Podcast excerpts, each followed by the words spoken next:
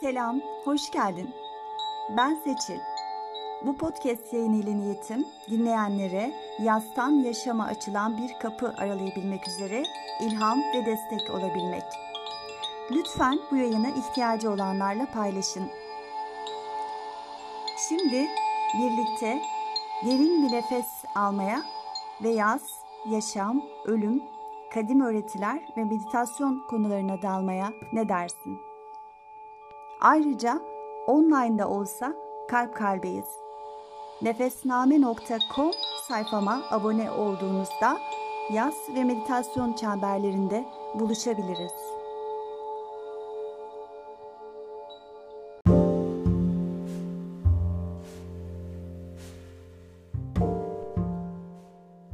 Sonsuza dek tekrar tekrar aynı hayatı yaşamak.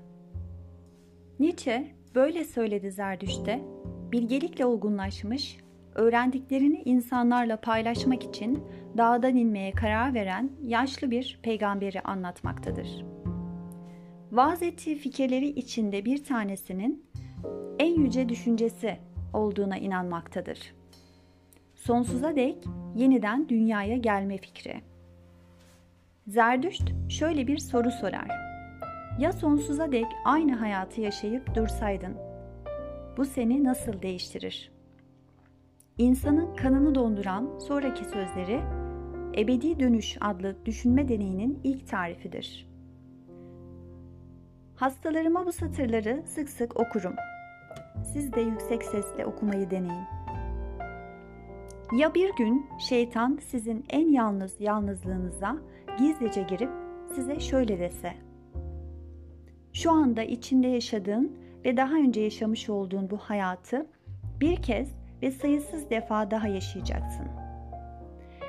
İçinde yeni hiçbir şey olmayacak ama her acı, her sevinç ve her düşünce, her iç çekiş ve anlatılamayacak kadar küçük veya büyük her şey aynı sırayla sana geri dönecek.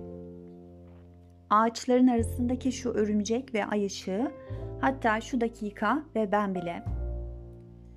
Varoluşun ebedi kum saati tekrar tekrar ters çevrilecek ve onunla birlikte bir kum tanesi olan sende.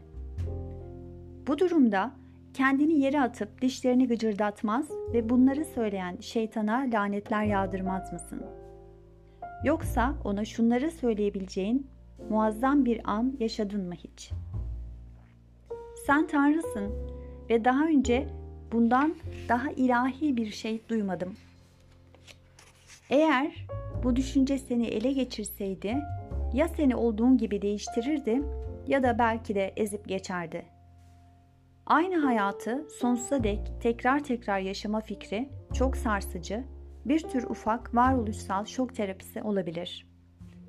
Genellikle insanın aklını başına getiren bir düşünme deneyi olarak hizmet eder kişiyi gerçekte nasıl yaşadığını ciddi şekilde düşünmeye yönlendirir. Gelecek Noel'in hayaleti gibi bu hayatın, elinizdeki tek hayatın iyi bir şekilde ve dolu dolu yaşanması, olabildiğince az pişmanlığın olması gerektiğine dair farkındalığınızı arttırır. Böylece Nietzsche bizi önemsiz kaygılara odaklanmaktan kurtarıp canlı bir şekilde yaşama hedefine yönlendiren bir rehber olur.'' iyi bir hayat yaşamamamızın nedeninin sizin dışınızda olduğu düşüncesini tutunduğunuz sürece hayatınızda olumlu bir değişiklik olamaz. Bütün sorumluluğu size haksızlık eden başkalarına. Kaba saba bir koca, talepkar ve destekleyici olmayan bir patron, kötü genler, karşı konulmaz takıntılar. Bunlara bağladığımız sürece durumumuz içinden çıkılamaz bir hal alacaktır.'' Hayatınızın önemli yönlerinden siz ama yalnızca siz sorumlusunuz ve yalnızca siz hayatınızı değiştirecek güce sahipsiniz. Dışarıdan çok fazla sınırlamayla karşı karşıya olsanız bile bu sınırlamalara göre çeşitli tutumlar uygulama seçeneğiniz ve özgürlüğünüz vardır. Nietzsche'nin en sevdiğim sözlerinden biri şöyle. Amor fati yani kaderinizi sevin. Başka bir deyişle sevebileceğiniz bir kader yaratın.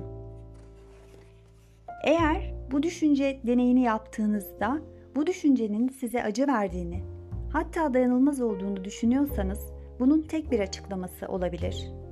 Hayatınızı iyi yaşadığınıza inanmıyorsunuz. Ben bu durumda şu tür sorular sormaya devam ederim. Nasıl iyi yaşamadınız? Hayatınızla ilgili pişmanlıklarınız neler?